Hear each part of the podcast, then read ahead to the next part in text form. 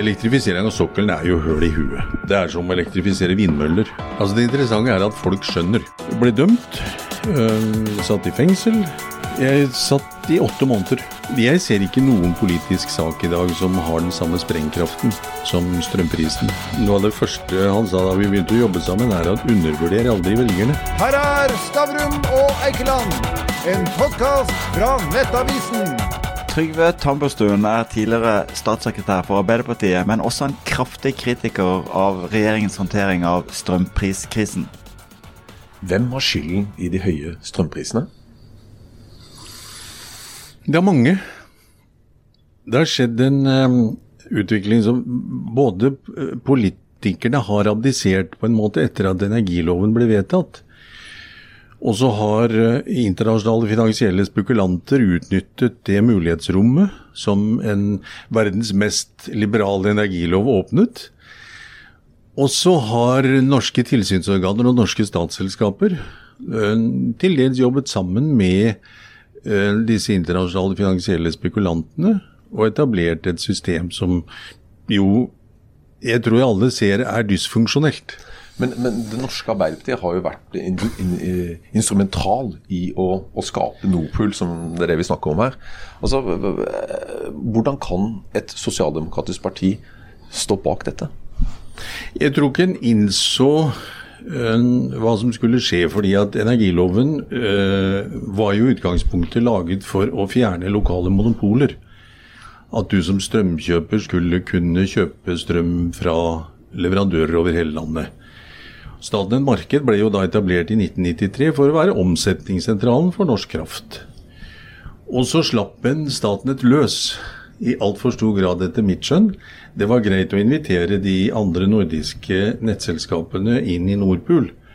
Men det at en da etter hvert eh, forberedte integrasjonen i et europeisk energimarked ved å begynne å handle strøm i euro tidlig på 2000-tallet, ved å selge den finansielle kraftbørsen til Nasdaq i 2010, og ved å fullføre og selge 66% av den fysiske kraftbørsen til Euronext i 2019, så har vi fått det systemet som vi har nå. Altså, du, du beskriver på en måte en, en, reise hvor vi i gamle dager Bodde du i Bergen, så kjøpte du strømmen fra Bergen Lysverker. Uh, og så kunne du være irritert over at disse lokale energiverkene var ganske ja, tungrodde og hadde, hadde, mye penger de brukte, uh, brukte, internt. Og Det var noe av grunnen til at man ønska å rive litt løs på det. Men så har man endt opp med at det som i utgangspunktet påstand nesten egner seg som et naturlig monopol, uh, har blitt på en måte bare børsbasert prising av energi. Mm. det kan jo umulig være noen som forsto at det kom til å bli sånn.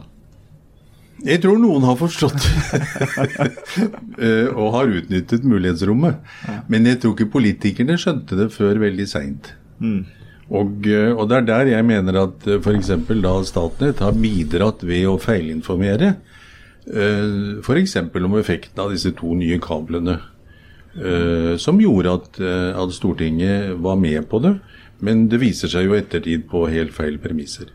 Og, hvorfor innrømmer du det ikke? Altså, dette vedtaket i Stortinget var jo på en måte at de gikk inn for dette, gitt uh, at det skulle være på en måte under statlig styring. Mm. Og så er det på en måte vist at det er det ikke. Mm. Kan ikke bare si at vi tok feil? Det er ikke lett, det, vet du. men, men, men, altså, men Energikommisjonen har jo langt på vei sagt det. Ja. Mm. Men, men, Jonas han står jo fortsatt veldig klar, er veldig klar på at uh, disse to, eller disse kablene, både til Tyskland og til, til UK, at det er bra. Og det må fortsette. hva mener du om det? Får jeg lov til å bare dra et lite historisk bilde der? Fordi at vi har jo nå i 63 år hatt kraftutveksling med andre land. Men det har vært en gjensidig utveksling som begynte med at vi, fordi vi har denne vidunderlige magasineringsmuligheten på norsk vannkraft, kunne levere vannkraft til andre land gjennom hele døgnet. Mens svenskene f.eks., som produserte på kjernekraft og varmekraft, de eh, måtte kjøre på samme frekvens, eh, og derfor så kunne de levere til oss når vi magasinerte.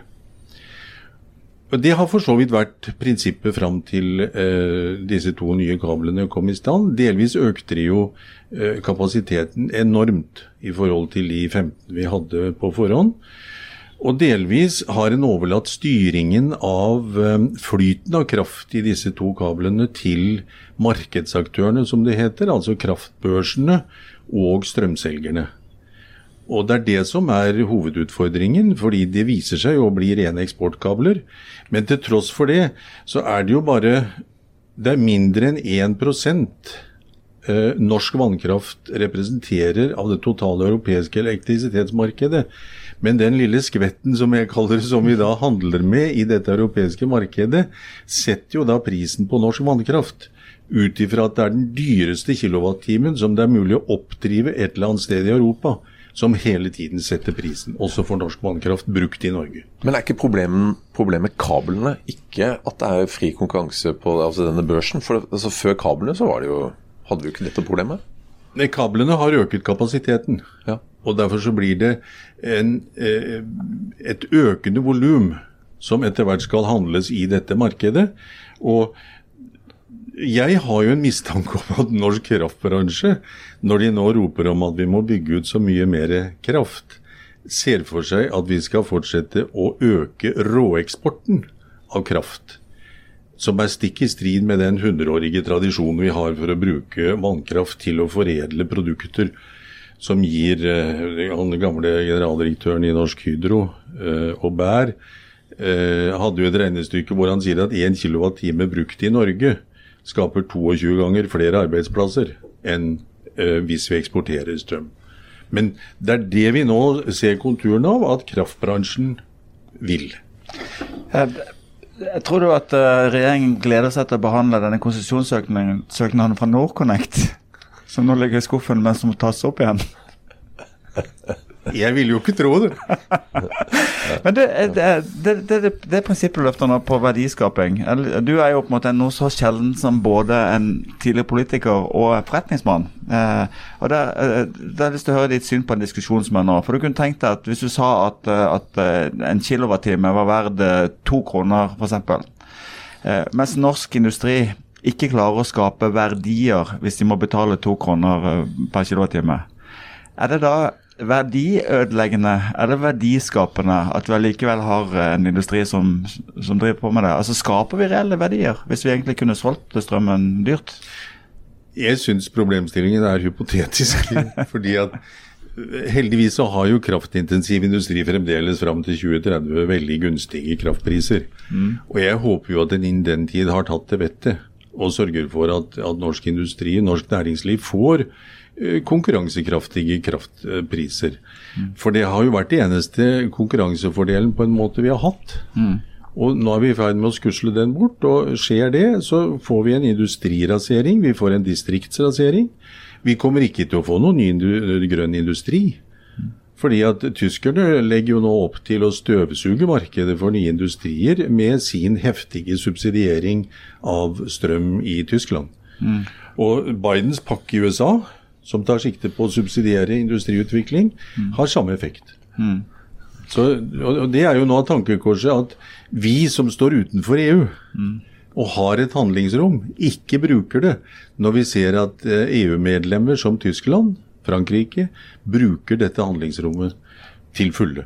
Men, okay. men tida går jo fort. altså Nå er vi i 2023. Eh, ta Hydro. Eh, bundet strømmen på 30 øre per kWt til 2030. Mm. De bruker 17 milliarder kWt i året. Så La oss si at det bare steg til en krone. da. Så er det 17 milliarder kroner av Hydros bunnlinje. Ja, altså, det er ikke så lenge til. Mm. Det er ganske skrekk, skrekkelige scenarioer. Ja. ja. og det er derfor eh, jeg tror det er viktig å fokusere på dette med at hvis vi ikke klarer å få bukt med dette nå, så får vi en industrirasering. Fordi uh, både etablert industri og de som tenker på å skape ny industri i Norge, ser jo dette bildet. Ok, men, men, men, hva er løsningen? Altså, Kablene er jo der, eh, vi er en del av dette markedet. Vi har jo forpliktelser. Altså, men, men, hva er løsninga? Altså, Den alternative energikommisjonen sa jo at det er tre ting som må gjøres. Det første er at vi frikobler norsk vannkraft fra det europeiske markedet. Det betyr rett og slett at vi dekker behovet for strøm til eh, forbrukere og industri i Norge. Eh, og setter en pris på det som reflekterer kostnader. Eh, og så kan vi eksportere det som måtte være av overskudd. Og vi har jo i 52 av de 63 årene vi har hatt kraftutveksling med utlandet, så har vi hatt nettoeksport. Uh, punkt to. Uh, staten må ta tilbake disse to kraftbørsene. Det er jo hull i huet at staten har gitt fra seg eh, eiendomsretten til disse omsetningssentralene, hvor altså f.eks. Nordpool omsatte for 482 milliarder i fjor. Og de får jo provisjon på hver eneste kilowattime som går gjennom det systemet. Det solgte altså Statnett for rundt 3 milliarder, både den fysiske og finansielle eh, kraftbørsen. Og Da får en enten kjøpe tilbake, om du må betale 10 milliarder for å kjøpe tilbake, så er det en god deal uansett. Eller du får bruke en, eh, legale eh, rettigheter. Og Det tredje er dette med at du må reforhandle disse, kraft, disse kabelavtalene på de to siste kablene, slik at vi har styring med hva som går ut og inn. Og Jeg tror f.eks. britene ville vært interessert i det, for vi kunne avtalt med dem at la oss si 60 døgn i året kan vi ta imot vindkraft. Når det blåser som verst i England, så kan vi ta imot vindkraft og uh, betale den prisen som vi da har satt for norsk vannkraft brukt i Norge. Nå i høst måtte de jo dumpe vindkraften sin til nesten null når de fikk den gjennom til Norge. Vi kunne gjort en deal med dem og sagt at vi tar imot vindkraft i 60 døgn, og så garanterer vi dere at dere får vannkraft fra oss gjennom denne kabelen når det ikke blåser og det ikke har sol. Mm.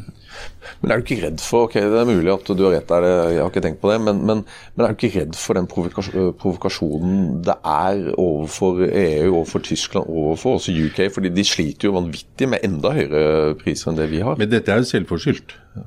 Vi kan ikke ta på oss det hele og fulle ansvar for at en del land i Europa har ført en feilslått energipolitikk. Og jeg, jeg, bruker to tall nå som illustrerer den norske forhandlingsstyrken. Vi eksporterte i fjor gass for 1222 milliarder. Vi eksporterte strøm for 38 milliarder. Mm. Men, men, ok vi, Og det går ikke på å si at vi skal stoppe gassleveranser. Men så fort du bringer fram dette tallet, så ser jo Europa at herregud, Norge bidrar jo til de grader liksom, til energiforsyning. Men ok, vi, Det skal settes i gang masse tiltak, grønne tiltak. Vi skal elektrifisere sokkelen. altså Det er mye som skal skje de neste 10-20 årene. Eh, vi trenger masse energi og kraft til å sette i gang alt dette. Hvor skal vi få det fra hvis vi bare kutter Europa helt ut? Så Vi, vi har jo ikke nok til å, i dag.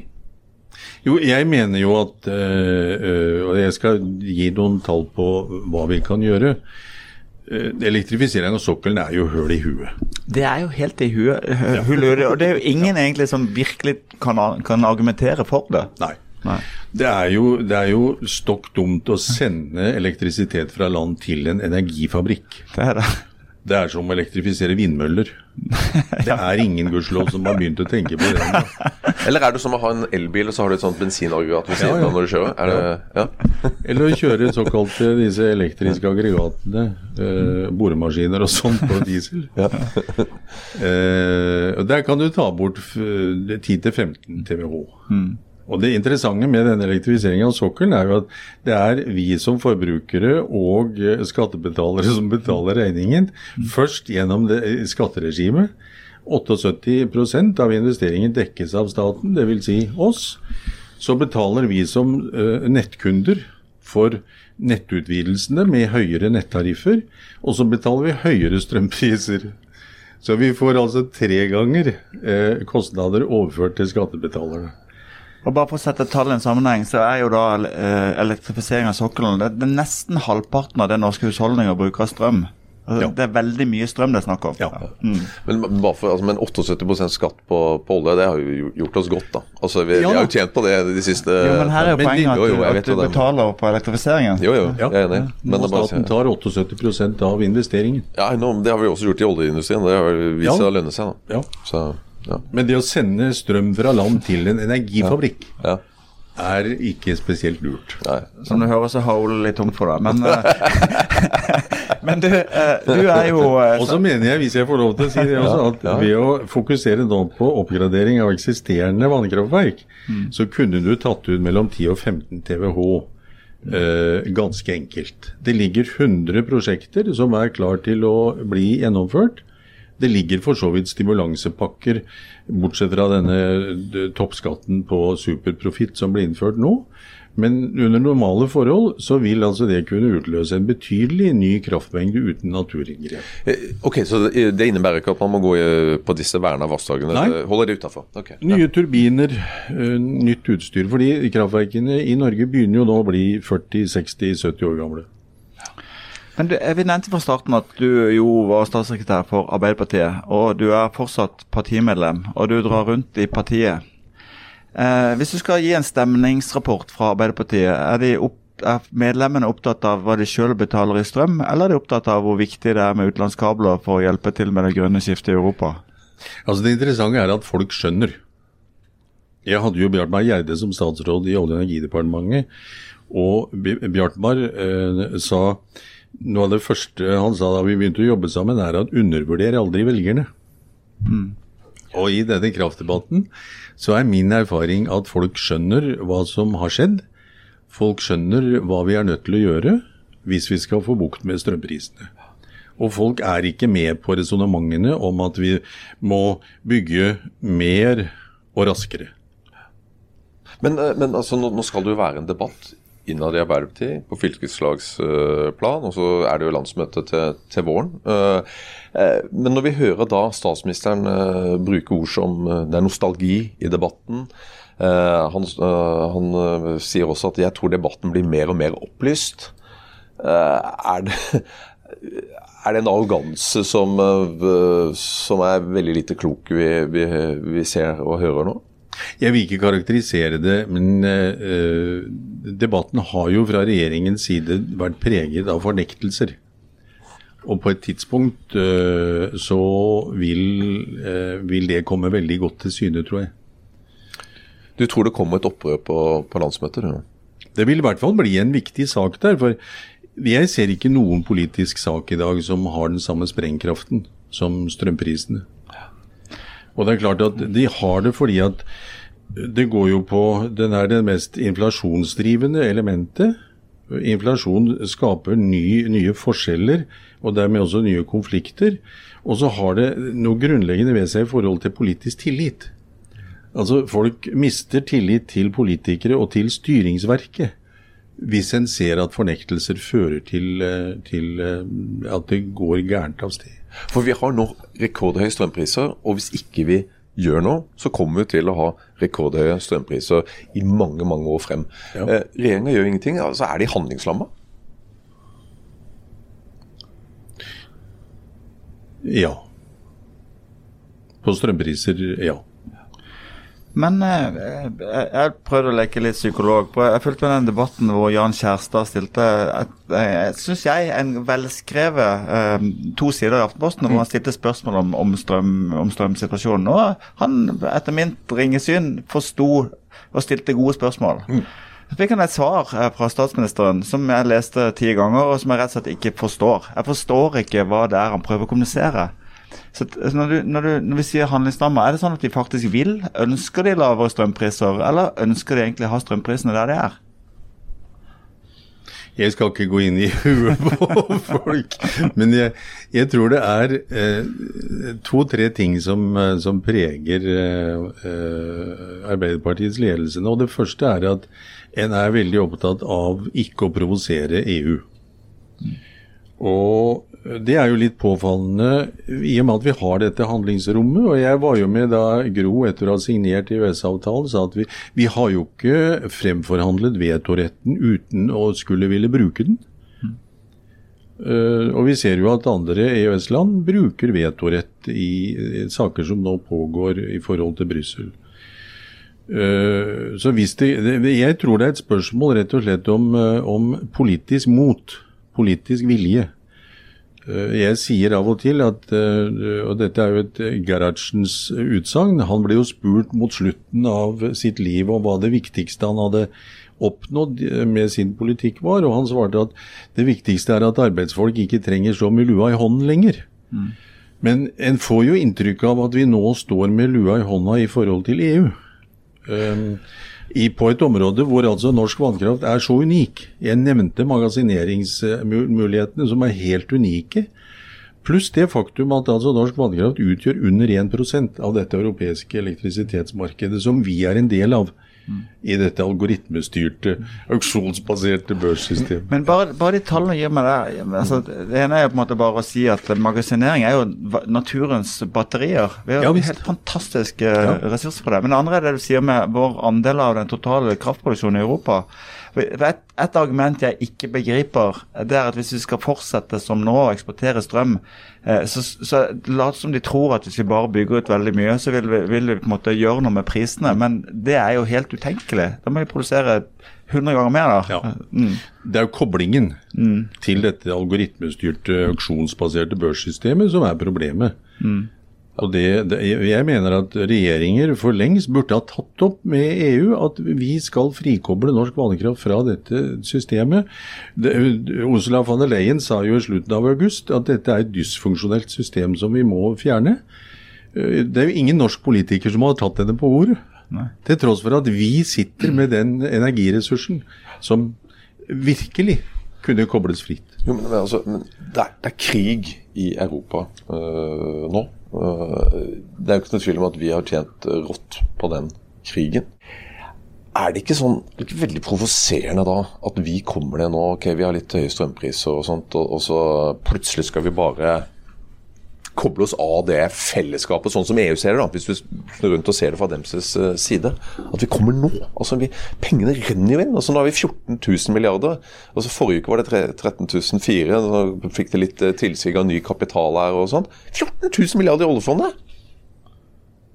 Men det er, øh, for norske politikere så, så mener jeg det er grunnleggende viktig å balansere internasjonale hensyn som vi selvfølgelig skal ta. Og det gjør vi jo i høyeste grad. Vi skrudde jo opp gasseksporten med 100 TWh i 2022. Og eh, ivareta nasjonale interesser. Når du tenker på vannkraften, som altså er møysommelig bygget opp gjennom mer enn 100 år, gjennom slit, gjennom tunge investeringer som, øh, som kommuner, fylker, stat har tatt. Og så forskusler vi den fordelen eh, i en slags misforstått interesse øh, med øh, land i Europa som har ført en feil energipolitikk, som har blanda sammen klimapolitikk og energipolitikk på en måte som har ført dem ut i et uføre. Eh, Det er der vi er nødt til å, å, å balansere. Og jeg mener at norske politikere i den nåværende situasjonen tar for lite hensyn til de nasjonale interessene. Fordi eh, Husker vi, vi bor i verdens kaldeste og svarteste land. Strøm er et velferdsgode som skal prises basert på kostnader. Og øh, for industrien, det er som jeg sier den eneste konkurransefordelen vi har i forhold til verden. Jeg sliter med argumentet, for jeg tenker at eh, eh, det er jo ikke sånn at man ikke skal eksportere overskuddsstrøm til Europa. Vi kan til og med eksportere like mye som vi gjør nå. Ja. Men det er ikke noe grunn til at vi skal betale de samme prisene i Norge likevel. Så- Og så skjønner jeg ikke argumentasjonen som er sånn Hvis ikke vi har strømpriser på 6 kroner per kWt, så vil ikke folk spare strøm. Herregud, én krone per kWt er penger, det òg. Altså, folk har strømregninger. Folk sparer det de kan på strøm. Og vi så jo at eh, fra 2021 til 2022, eh, 2022 gikk jo forbruket ned med 8 TWh i Norge. Det, det viser jo prissensitivitet. Og jeg sier ikke at du altså, Gå tilbake til 2020, som var et ganske normalt år med god fortjeneste for alle aktørene i kraftbransjen også. Da fikk kraftverkene 21 øre per KWH. Eh, Netteierne fikk 28 øre, og staten tok 31 øre. Da var totalpris med alle avgifter 80 øre i gjennomsnitt. Det er det nivået som gir god fortjeneste for kraftprodusentene, og også gir insentiv til å oppgradere, forbedre, drive et godt vedlikehold. Og så må staten vurdere hvor mye en skal ta inn i avgifter. Men det er det leie og Når vi diskuterer strømpriser, så har vi lett for å glemme nettelementet, som altså er høyere enn strømprisen var i 2020. Og, og dette med avgiftene, som du også har å spille på. Og, og da alle sparer jo strøm, da. Altså, alle, alle vil jo gå inn for å spare strøm, for det koster jo penger. Og så er diskusjonen kommer vi til å spare enda veldig mye mer strøm om det koster 30 øre mer. Jeg tror ikke det. Jeg tror på en måte at Ideen er at koster det penger, så forsøker du å begrense kosten.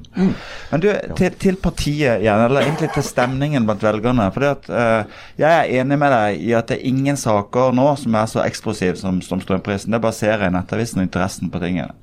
Og så var det i perioder så store forbannelser at det ble starta store Facebook-grupper og demonstrasjoner.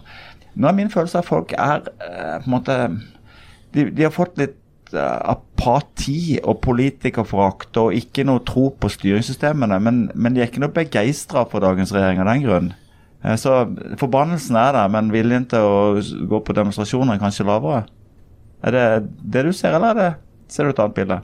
Nei, det er nok en riktig øh, vurdering. Og uh, nordmenn uh, har jo en tendens til å tåle mye hvis det går litt over tid.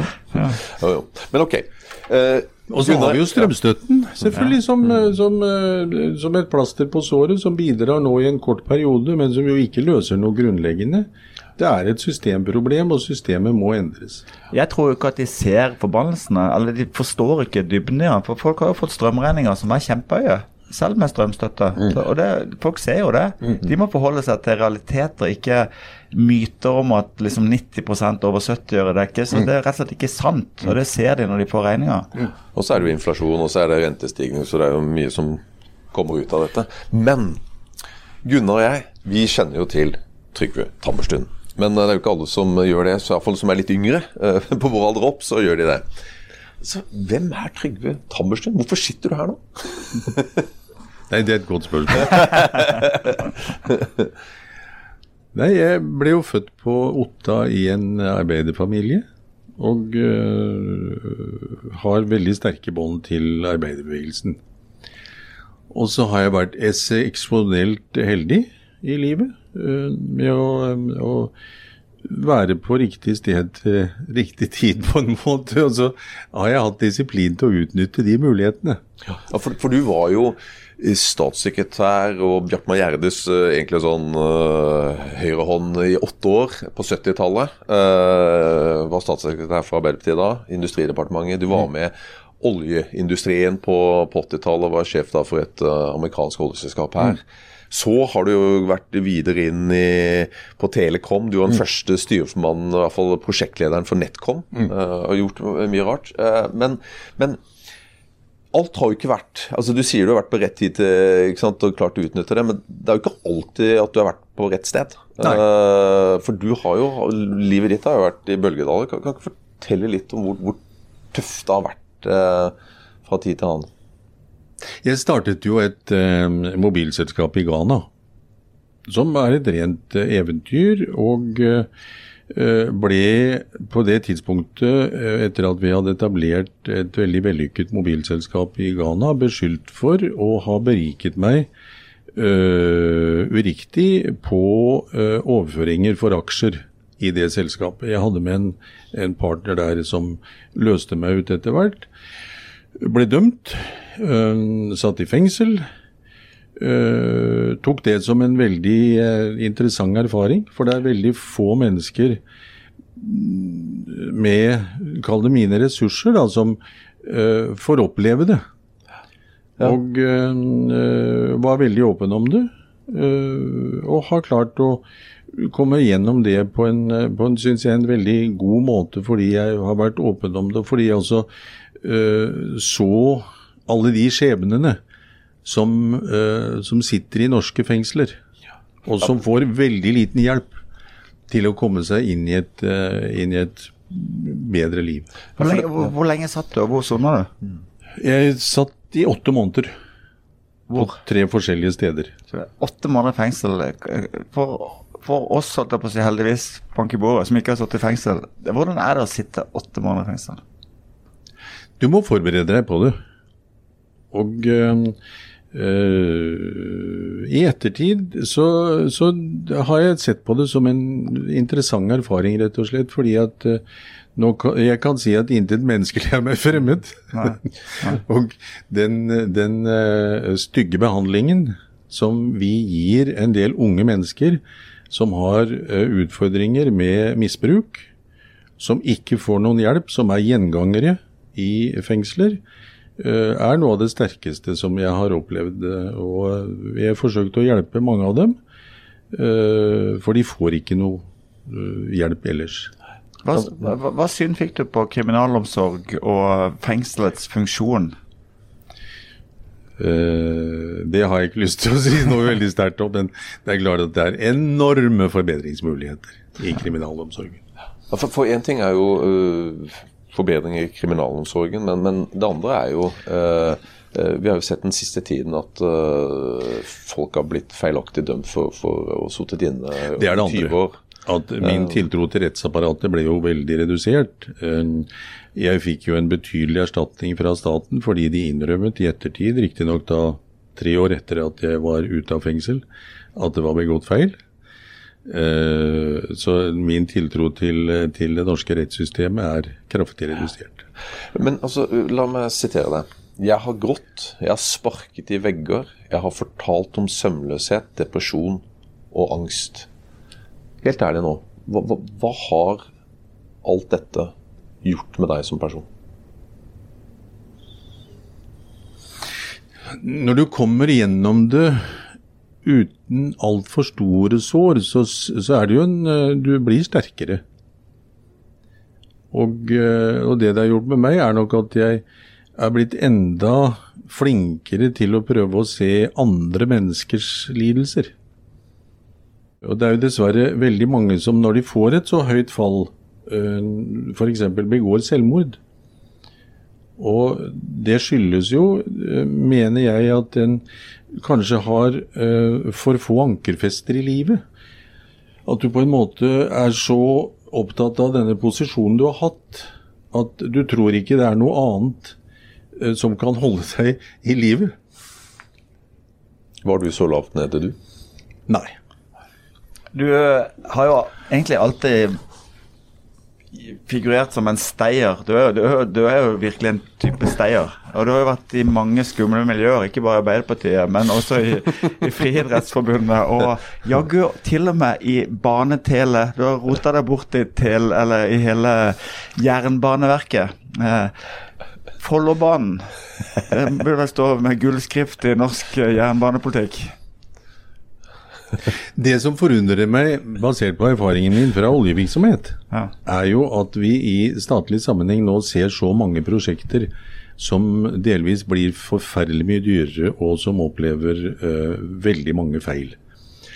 Jeg var med da Statfjord B-skandalen uh, ble rullet opp. Det ble jo en, en veldig vekker for oljeindustrien. Da satte vi ned denne Johannes Moe-kommisjonen, som gikk gjennom absolutt alle elementer i styringen av prosjektet. De kom med en rekke forbedringsforslag som ble fulgt opp, og som jo har gjort at eh, offshoreprosjekter etter det stort sett har holdt seg både på tid og kost. Og jeg, jeg tror vi for liten grad har brukt erfaringene derfra. Det, det, vi har jo Ola Selvåg her, vi snakker litt om eh, når du tar milliardprosjekter, så forventer du jo på en måte at de skal komme omtrent som du har planlagt de. Sant? Mens eh, Follobanen, det er vannforsyninga i Oslo, det er eh, Fornebubanen det, det er jaggu hver gang det er et stort prosjekt, så bare sprekker det noe så enormt. Uh, uten at uh, noen egentlig uh, har ansvar. Mm. folk flest må jo bli forbanna av det de ser. Det har, det har, jo også, som du sier, med ansvarsforhold å gjøre. Mm. At uh, vi har fått en kultur der, der, du ikke lenger på en måte uh, blir stilt til ansvar på en ordentlig måte når du leder prosjekter av den typen som, uh, som går gærent. Men du, Har du noen råd når vi først er inne på tog og jernbane og sånn? Eh, heldigvis så bor jeg i byen, så jeg går og går og går. Jeg slipper å ta tog. Men eh, jeg registrerer jo at det er jo forsinkelser nesten hver dag. Eh, altså, hva, hva, må til for, for at det der skal begynne å fungere? Det vil jeg ikke prøve å tenke om. Men jeg har lyst til å si at jeg, jeg er jo nå styreleder i et selskap som prøver å få til en rask jernbane Oslo-Stockholm. Uh, hvor tanken er å få til en jernbane som gjør at du kan reise mellom de to hovedstedene på under tre timer med tog. Ja. Eh, og Der har vi jo foreslått at vi skal bruke den konsesjonsmodellen som vi har erfaring med fra Nordsjøen, og rett og slett invitere internasjonale selskaper til å være med og planlegge, bygge og drifte og finansiere.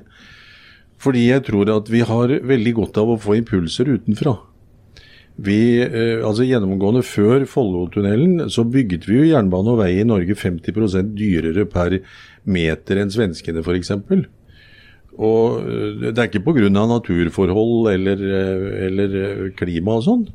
Og det å få inn nye impulser tror jeg betyr veldig mye i disse sammenhengene. Hva må til for at Arbeiderpartiet og Jonas kommer over 36,9% igjen? Eh, jeg mener at den må tilbake til altså Gudmund Hernes sier det på en veldig god måte. Han sier at eh, det nye er mer av det gamle. Det er ikke nødvendig å finne opp eh, alt på nytt, liksom, selv om vi står overfor nye utfordringer. Vi kan lære veldig mye av måter vi har gjort det på før. Og jeg, jeg bruker jo eksempler fra, fra da vi laget oljepolitikken. Da sto vi ikke med lua i hånden overfor noen. Og da, eh, da fant vi jo på virkemidler eh, når vi ønsket å oppnå politiske mål. Vi sa f.eks. at vi skal ha 75% av leveransene til norsk sokkel fra norske leverandører. Det var helt utenkelig i 1978 da vi sa det. Men så sa vi at vi skal ha et sett av virkemidler som gjør at dette kan oppnås, hvor vi stiller krav til utenlandske selskaper om overføring av teknologi. Øh, og vi aksepterte at øh, tilbud fra norske leverandører kunne være marginalt høyere i en overgangsperiode og sånn. Jeg tror vi må tilbake til å ville bruke denne typen virkemidler når vi først vil oppnå noe. Det nye er mer av det gamle. Du fikk Stavrum og Eikeland, en podkast fra Nettavisen.